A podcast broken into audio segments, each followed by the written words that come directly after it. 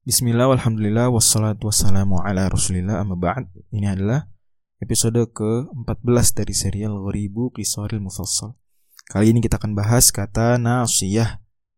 Allah subhanahu wa ta'ala firmankan di surat Al-Alaq Ayat 15 dan 16 Kalla la illam yantahi lanasfa'an bin nasiyah Nasiyatin kadhibatin khati'ah. Sekali-kali tidak. Sungguh kalau dia tidak berhenti Niscaya kami akan jambak, kami akan tarik ubun-ubunnya. Ubun-ubun yang berdusta, ubun-ubun yang berdosa. Yunasya ubun-ubun. Dahi bagian atasnya.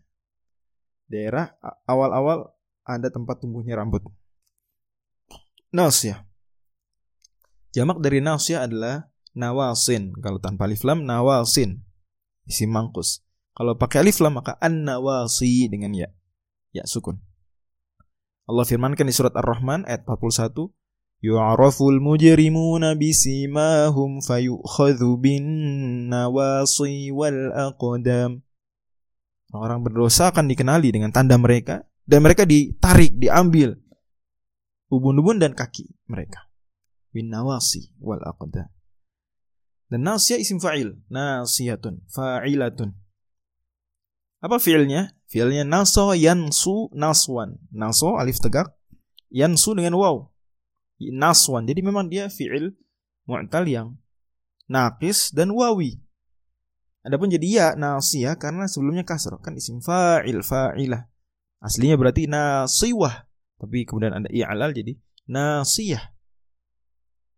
Dan naso yansu naswan artinya menarik suatu bagian atasnya. Misalnya nasautu fulanan. Yani qabattu ala nasiyati. Aku menarik bagian atas kepalanya. Dan memang nun, sod dan waw ini memiliki akar kata yang punya makna istiqaqi. Kalau kata Syekh Muhammad Jabal, awalu syai'i wa a'lahu. Itu bagian permulaan sesuatu dan bagian atasnya. Makanya sesuatu yang terbaik itu juga dalam bahasa Arab nasiyah. Terbaik. Misalnya nasiyatun minal qaum ai khiyaruhum.